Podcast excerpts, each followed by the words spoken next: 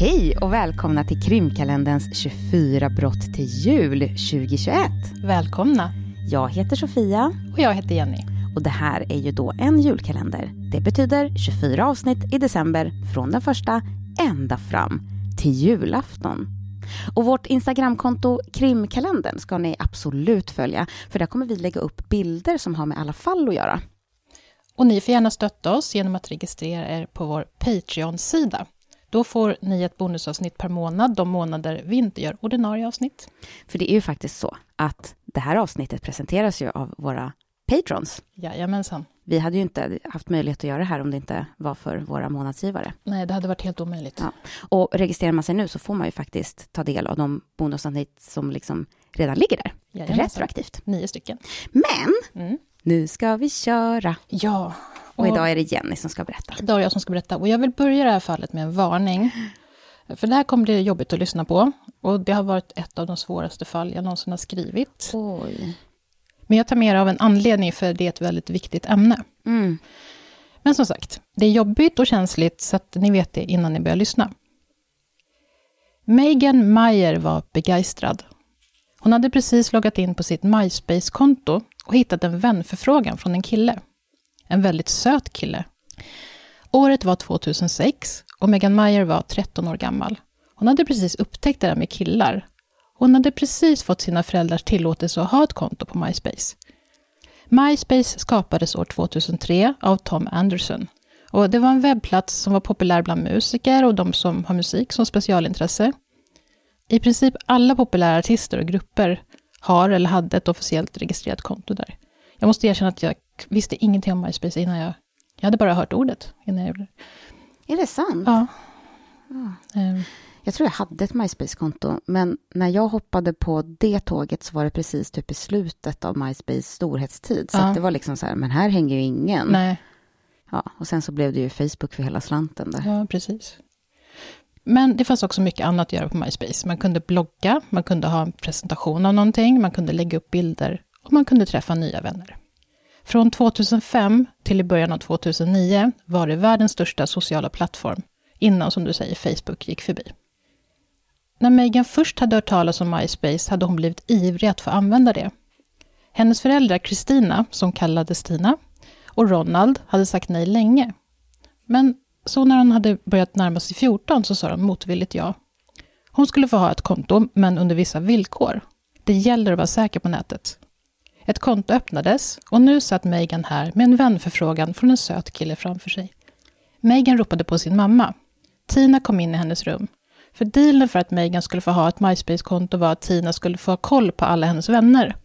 Och dessutom fick Megan inte logga in och vara ute på MySpace när hennes mamma inte var hemma. Och därför var det Tina som hade hand om lösenordet. Killen som hade skickat förfrågan hette Josh Evans och han var 16 år gammal. Hennes mamma tittade igenom Josh uppgifter, alltså själva profilen, och gav till slut Megan tillåtelse att adda honom till sin vänlista.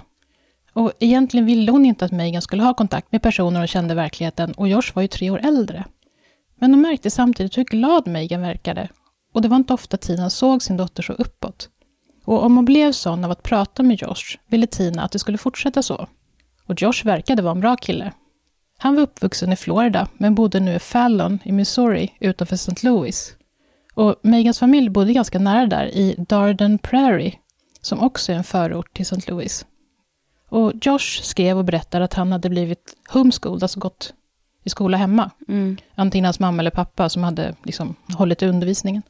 Det vill säga, han hade inte gått i en vanlig skola, det var hans mamma som hade hållit i hans skolundervisning. Men hans familj var trasig. När han var sju år hade hans pappa lämnat honom, hans mamma, hans storebror och nyfödda lillebror. Hans mamma hade fått kämpa hårt för att försörja sina tre söner och de levde knapert. Megan blev djupt berörd av det Josh skrev. När hon tänkte på det så hade ju hon det så enormt mycket bättre. Hon hade båda sina föräldrar och de behövde inte vrida och vända på varenda öre. Att skriva med Josh var underbart. Det gjorde henne glad. Hon kände sig värdefull. Det var som att de förstod varandra från första början. Som att det var meningen att de skulle bli vänner. Kanske mer än vänner till och med. Men hon är 13. Ja. Mm.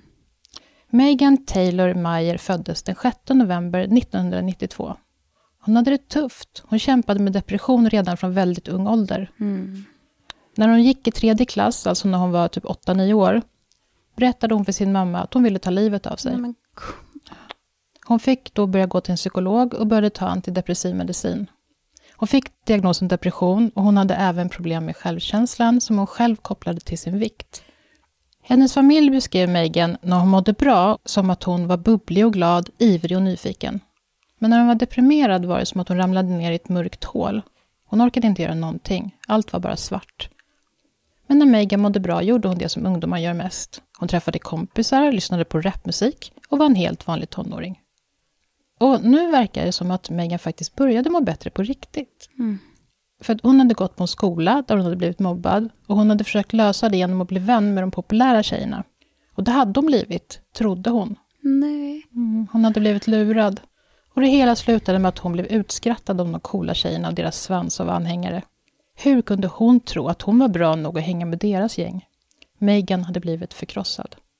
Hennes föräldrar hade flyttat henne till en privatskola istället. Som så ofta i mobbingfall så är det den mobbade som måste flytta och inte de som mobbar. Mm. Men det visade sig vara ett klokt val. Megan mådde bra i den nya skolan och gick med i volleybollteamet och såg plötsligt fram emot nästa dag i skolan.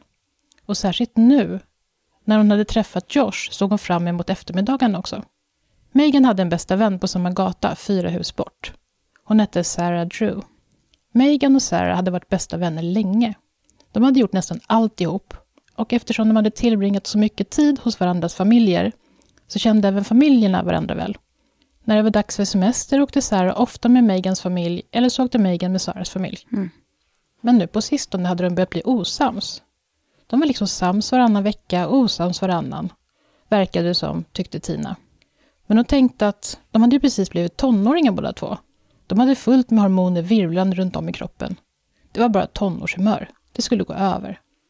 Men Megan tyckte att allt bråkande var jättejobbigt. Hon hade kämpat mot depression i så många år nu. Mm. Och att bråka med sin bästa vän gjorde det verkligen inte bättre. Så hon bestämde sig för att liksom dra sig tillbaka ett tag. Inte säga upp vänskapen med Sarah, men att ta en paus tills dramat lugnade sig. För hon tyckte inte om drama. Och hon hade inte behövt vara rädd för att bli ensam, för nu hade hon ju fått en ny vän i Josh. Varje dag i skolan räknade Megan minuterna tills hon skulle komma hem så att hon skulle få prata med Josh på MySpace. Tina var så otroligt glad över att Megan verkade gladare, trots att hon inte umgick med Sarah just nu. Och hon bad då och då Megan att få titta på det hon och Josh skrev. Och hon var glad över Megans nya vänskap, men det gällde att vara försiktig. Mm. För hur gullig Josh än verkade, så fanns det ju alla möjliga skumma personer där ute. Fula gubbar som låtsades vara tonårskillar för att komma i kontakt med unga tjejer. Eller andra barn som hade flyttat in mobbingen i datorn. Och Megan visste att villkoret för att hon skulle få ha det här kontot var att Tina både skulle godkänna vänförfrågningar och för att då och då titta igenom meddelanden. En sak som ytterligare ökade Tinas försiktighet var att något år tidigare så hade Megan och Sara tillsammans då öppnat ett MySpace-konto. Mm. Och det var inte tillåtet att öppna ett konto utan föräldrarnas medgivande innan man var 14. Men det hade tjejerna ändå gjort. Och när de blev påkomna blev deras föräldrar förstås jättearga. När de hade fått reda på att de inte hade frågat om det här. Så de hade ju ingen koll alls på vilka de skrev med eller vad de skrev. Eller... Så de stängde ner kontot direkt. Och visst, det hade inte hänt något dåligt eller farligt den här gången. Men det kunde ha gjort det. Megans föräldrar pratade med henne om farorna på nätet. Det hade de gjort förut. Men det verkade vara läge att göra det igen. Megan lyssnade. Hon ångrade sig jättemycket och hon förstod precis vad de menade. Mm. Och hennes föräldrar, de förstod liksom att hon hade tagit åt sig av det de hade sagt. Så när Megan närmade sig sin 14-årsdag så gav alltså Tina och Ron Megan tillåtelse att öppna sitt eget MySpace-konto. Och när hon sen hade börjat prata med Josh kunde det faktiskt nästan inte bli bättre. Tina och Ron märkte förändringen hos sin dotter. Hon var mer öppen, verkade mer ork till skolarbetet och till familjen. Hon tillbringade inte längre nästan all tid i sitt rum som hon gjorde förut. Hon kom ut i vardagsrummet ibland och satte sig i soffan för att prata en stund. Förutom när hon pratade med Josh, för då kunde ingen slita henne från sin skrivbordsstol. Men så en dag, den 15 oktober 2006, hade Megan ett konstigt meddelande som väntade på henne när hon kom hem från skolan. Hon hade kastat av sig väskan i hallen, bett Tina att logga in på MySpace och satt sig till rätta. Hon blev glad när hon såg att ett nytt meddelande från Josh låg där. Det gjorde det nästan varje dag efter skolan, för han hade lättare att skriva på dagen eftersom han hemskolades. Mm. Men när Megan öppnat meddelandet satt hon tyst och bara stirrade på det en lång stund. Josh hade skrivit att han inte visste om han ville vara vän med henne längre, för han hade hört att hon inte var särskilt schysst mot sina vänner. Megan blev chockad, hon förstod ingenting. Hon skrev tillbaka, vad pratar du om? Vad menar du med att jag inte är schysst mot mina vänner? Tina märkte hur upprörd Megan var och försökte få honom att berätta vad det handlade om. Men när Megan verkade för upprörd för att kunna berätta stängde Tina ner MySpace för dagen. Mm. Såg hon det då? Vad som Nej, hade, nej, jag antar att hon var för stressad eller någonting. Mm. Eller att det var någonting som gjorde att hon inte läste just det meddelandet. Och Tina gav Megan tid och försökte få henne att berätta vad det handlade om senare på kvällen. Det kanske var det också, att hon ville att Megan skulle berätta själv. Mm. Liksom. Men Megan slöt sig som en mussla och Tina hade en alldeles för stressig dag. Hon hade tänkt logga in och läsa om det hade hänt någonting på MySpace lite senare, någonting som hade gjort Megan upprörd. Men kvällen gick i ett och alldeles för snart var det dags att stupa i säng. Tina skulle titta på det här imorgon istället. Dagen efter att Megan hade fått det hemska meddelandet från Josh, den 16 oktober, var en kall och regnig dag. Megan mådde fruktansvärt illa hela dagen i skolan. Hon ville hem och se om hon hade fått något svar från Josh.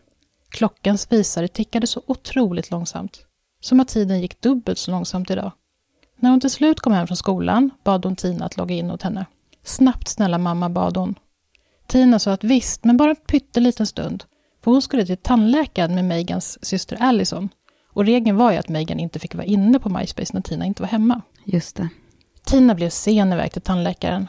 Hon visste inte varför, men det var liksom som att allt strulade.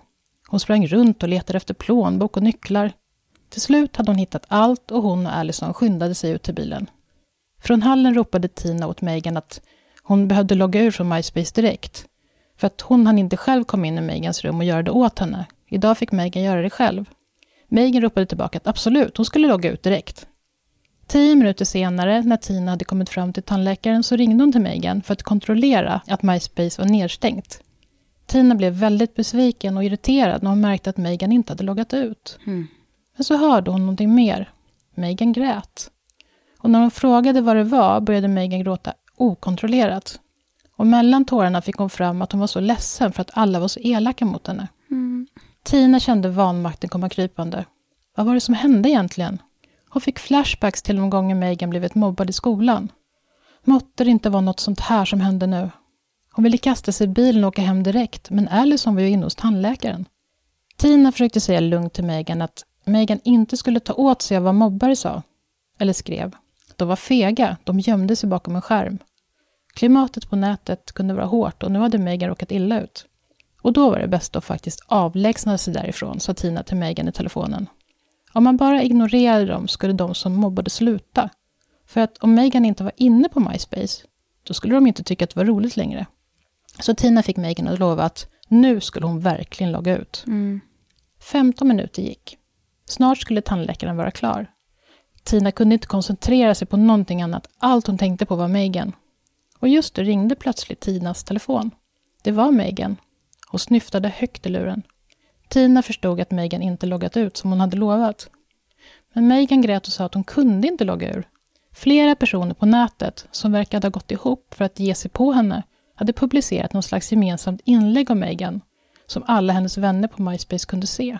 Det stod att Megan var en hora, att hon var fet. Det stod att Megan var värdelös och att ingen ville vara hennes vän. Men... Och den som hade startat allting var Josh. Megan var hysterisk. Tina skakade hela kroppen av okontrollerad vrede. Vilka var det som hade varit så här vidriga mot Megan? Och varför gjorde Josh så här? Han var ju Megans vän. Tina förstod ingenting. Återigen sa Tina åt Megan att logga ur. Tina försökte hålla rösten lugn och stadig. De skulle vara hemma inom några minuter och då måste Megan vara utloggad. De skulle logga in tillsammans senare på kvällen, så skulle de kunna reda ut vad det var som verkligen hade hänt. Det var säkert bara ett stort missförstånd, försökte Tina lugna Megan med. De la på. Men när Tina kom hem var Megan fortfarande inloggad. Megan vägrade att logga ut, så Tina fick fysiskt lyfta bort den gråtande Megan från datorn för att kunna logga ut. Megan vände sig om och rusade mot sitt rum. På vägen skrek hon, citat. Du ska vara min mamma. Det är meningen att du ska vara på min sida. Slutcitat. Mm. Och på vägen då till sitt rum så passerade Megan sin pappa Ron. Hon tog tag i henne och frågade vad som hade hänt. Megan berättade att elaka personer hade sagt hemska saker om henne. Och Ron sa precis som Tina att hon skulle strunta i vad de sa. Det var säkert ett missförstånd. Mm, det är ju lite lättare sagt än Ja. gjort. Så. Och de tänkte väl här att vi ska prata ihop och så så tar vi det här sen. Mm. Men Megan blev såklart inte tröstad av hans ord. Hon vände sig om och rusade vidare in i sitt rum och stängde in sig. Ron gick in till köket där Tina var och de satte sig ner och pratade om vad som hade hänt. Skulle de ta bort Megans MySpace-konto eller vad skulle de göra?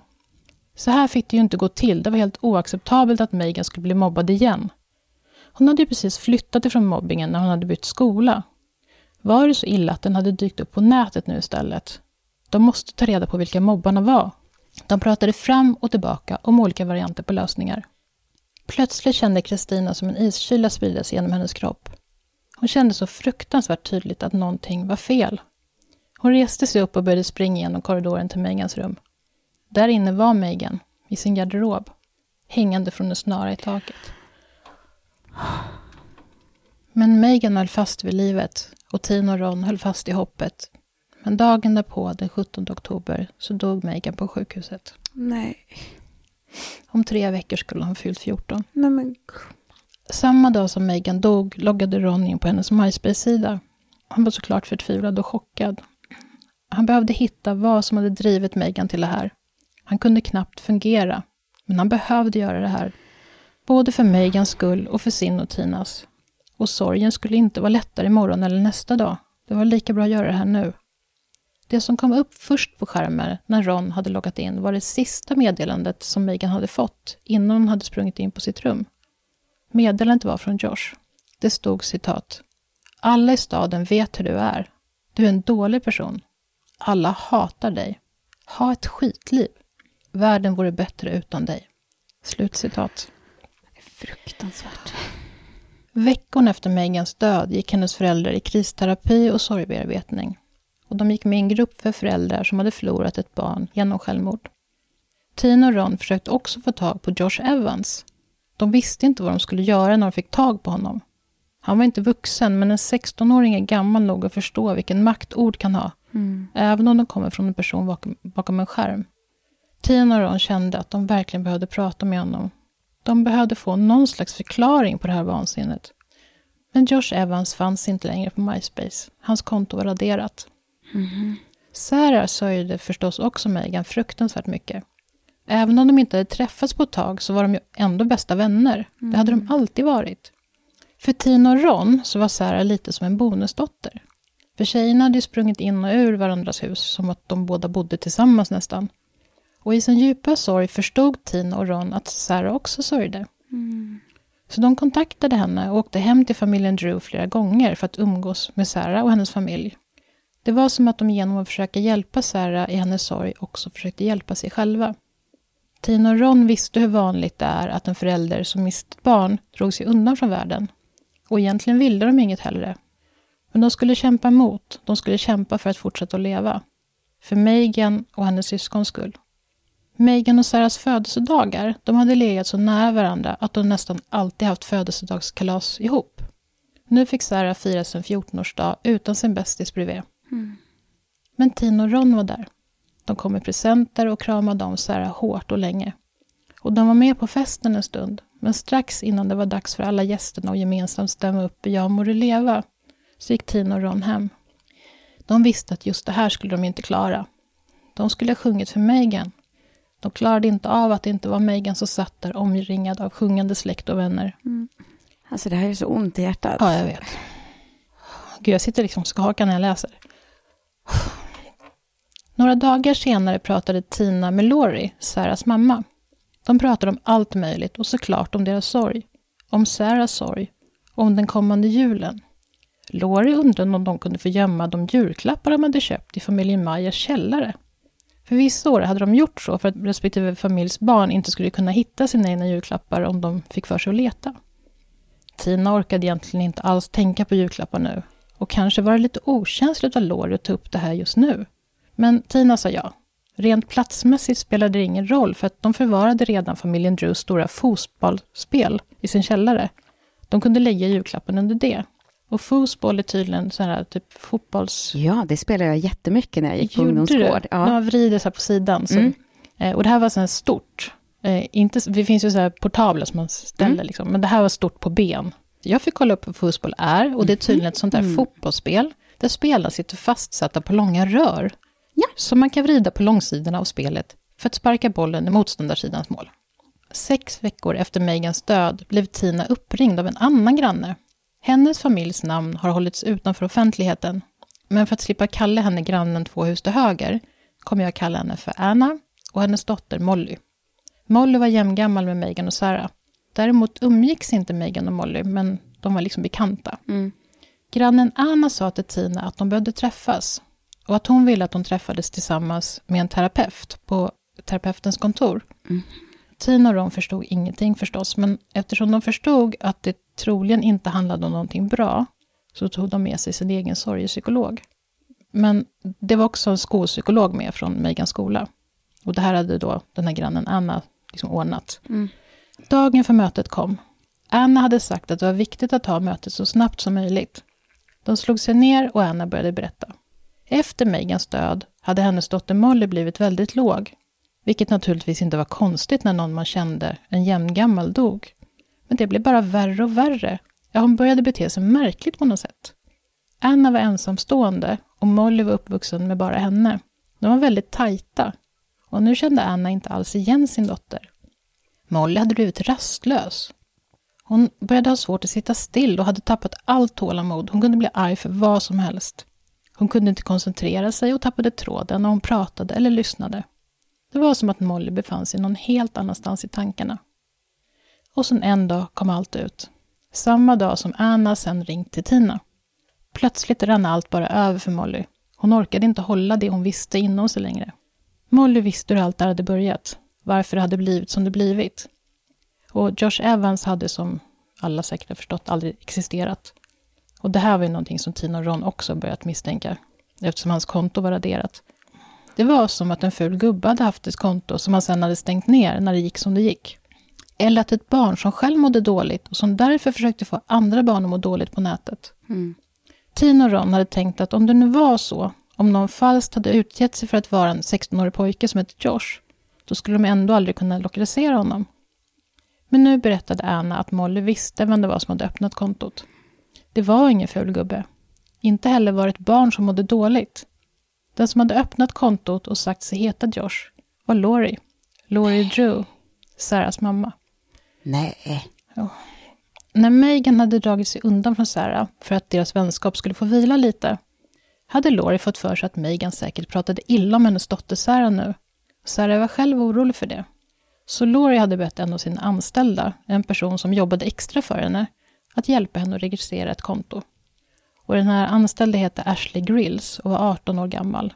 Och eftersom hon hade ett eget konto på MySpace så visste hon hur man satte upp ett konto, vilket Laurie inte visste. Mm. När kontot var öppnat hade Laurie googlat fram ett foto på en kille som Sarah sa var i Megans stil, typ. En typ av kille som Megan brukade tycka var söt. Sen började Laurie skriva till Megan.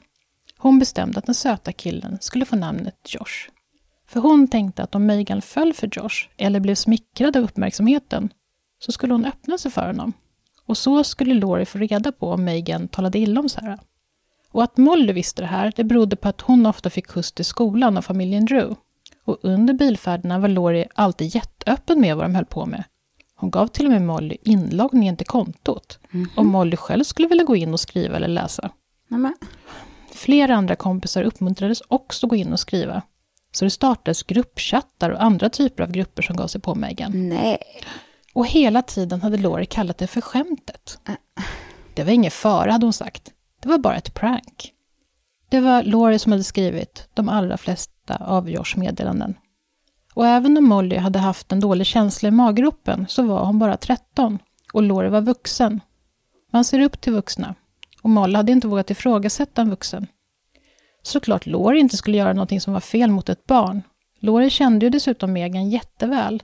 Megan hade ju ofta sovit över hemma hos dem och de hade åkt på semester ihop. Så ja. Molly hade liksom inte riktigt... Hon hade inte vågat säga någonting medan det pågick. Nej, och jag fattar ju det. Det... 13 år är jättelitet. Ja, men också just det här att ja, men om en vuxen säger det. Så, Ja. Alltså man har ju den där synen, det minns jag själv från när jag var barn och det märker jag ju på mina liksom, syskonbarn också. Ja. Att det är väldigt så här, men den personen sa det. Ja, Och då blir det liksom, har det någon slags pondus bara för att det är någon som är äldre? ja, Och då är det ju inte äldre bara att det är någon som är några år äldre, utan en, en faktisk vuxen. Hon är väl alltså, kanske runt, vad vet jag, runt 30-årsåldern Ja, minst, minst. tänker jag. Ja, för att Tina och Ron, de hade alltid trott att Laurie kände för Megan lite som de kände för Sarah. Mm. Att hon var som en extra dotter. Eftersom deras döttrar ett tag hade verkat liksom i princip oskiljaktiga. Men Laurie hade helt uppenbart inte känt så för Megan. Inte alls. När ambulansen hade stått med blinkande ljus utanför familjen Myers hus den där fruktansvärda kvällen hade Laurie lyft luren, ringt till Anna och bett att få prata med Molly.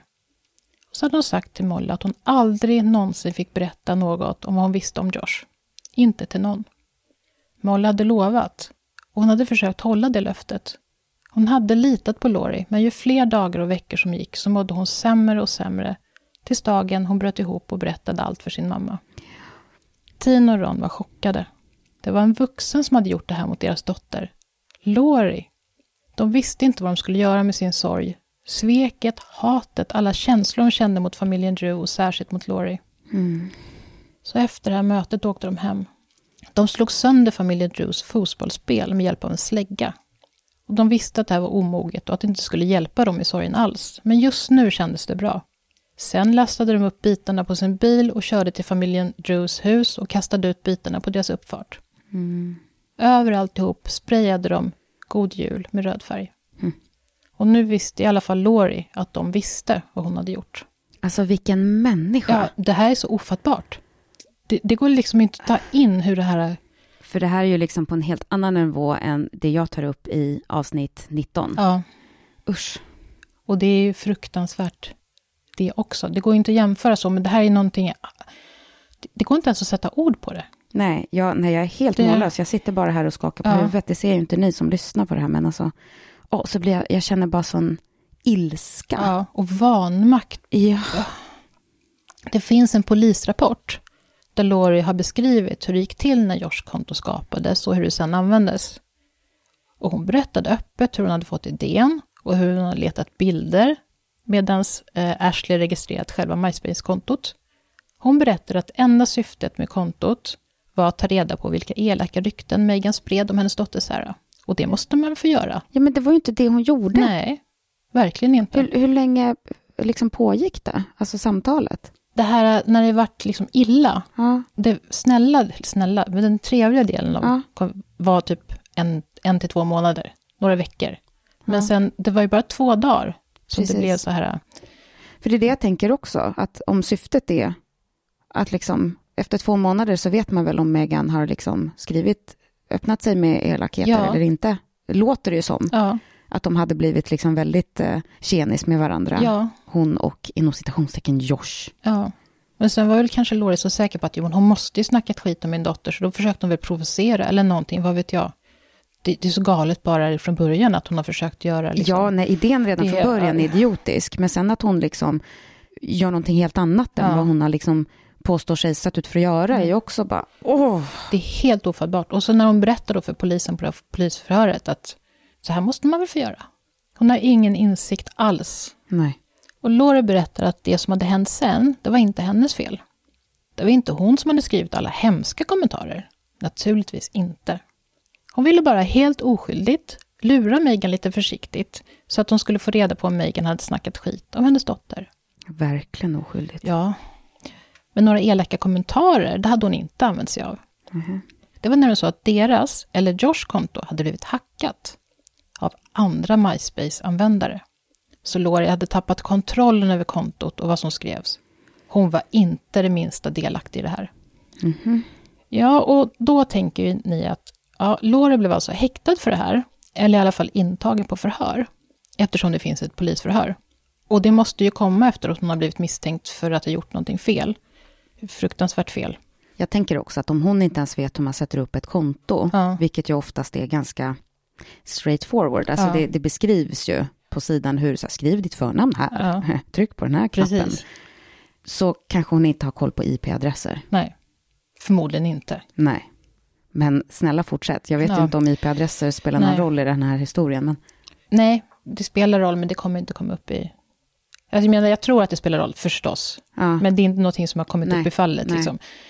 Men hon var i alla fall inne för, liksom, ja, för förhör och så berättade hon allt det här. men hon är inte åtalad. Nej, eller hon är- gripen nej. snarare. Men man tänker när man hör det här att hon har tagits in för att hon är misstänkt, eller någonting. Ja, Men nej, riktigt så är det inte tyvärr. Polisrapporten upprättades nämligen i samband med att Lori själv anmälde ett brott. Det sönderslagna fotbollsspelet. Förlåt, men hon är helt sjuk i huvudet. Efter att Megan hade hängt sig på grund av det Lori gjort mot henne, hade Lori alltså polisanmält Tina och Ron för att de hade förstört hennes fotbollsspel. boohoo. Och fallet med Megans död utreddes. Det fanns inte någon som inte tyckte att Lori hade gjort fel. Och det hon hade gjort var fruktansvärt vidrigt. Men det fanns ingen brottsrubricering som funkade för det hon hade gjort.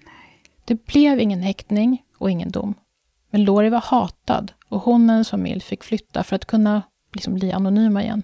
Tina och Rons äktenskap höll inte. De skilde sig. Det är inte ovanligt att föräldrar inte klarar att hålla ihop när ens barn dör. Och Tina klandrade sig själv så fruktansvärt. Både för att hon hade varit så arg den där dagen och för att hon inte hade tittat till Megan från början. Hon skulle aldrig ha lämnat Megan ensam i sitt rum. Tina har öppnat en stiftelse i Megans namn och hon arbetar sedan dess för att uppmärksamma mobbing på nätet och för att hitta sätt att bli av med det. Och det var den fruktansvärda historien om Megan Meyer som bara blev 13 år gammal. Ja, det är verkligen fruktansvärt. Ja, jag vet inte om vi ska prata så mycket med henne, för jag tror att vi båda är ganska sugna på att avsluta det här. Ja, nej men alltså det jag tänker är ju att, för när du beskrev hur de hade haft regler kring att hon inte fick ha sitt eget lösenord Mm. och att de liksom, mamman också gick in och läste Ja. konversationer och sånt. Alltså, jag kände bara så här, wow, Ja, de, jättebra ja, fixat. ja. Nej, men de har gjort precis som, som man blir rådd att göra. Ja, ja, det är fruktansvärt sorgligt. Och Ja. Det är ingenting man någonsin kan tänka sig ett scenario om att det är liksom en, en förälder till ens kompis. Ja, Äh, men eh, det här berörde mig jätte, jättemycket. Det Ja. såg ju du, Jenny, på Mm. mig. Eh, tack snälla för att du tog upp det. För att precis som du sa i början, mm. innan jag visste vad det handlade om, så är det ju ett ämne som är väldigt viktigt att ta upp. ja men det är ju det. Men frågan är vad man som förälder ska göra annars. Inte Ja. låta dem ha något konto överhuvudtaget. Om det inte är någon som man liksom har träffat. Jag vet faktiskt inte. Nej. Jag vet inte vad lösningen är. Nej, Mm. ja, jag måste ändå säga tack för att du tog upp det här. Det, är- som du säger, det känns viktigt, men ja, fy vad jag är berörd nu. Ja, jag också. Men tack för att du lyssnade och tack för att ni där ute har lyssnat också. Verkligen. Ja, Men vi hörs igen imorgon. Det är ju det vi gör. Ha det bra. Ha det bra. Hej då. Hej då.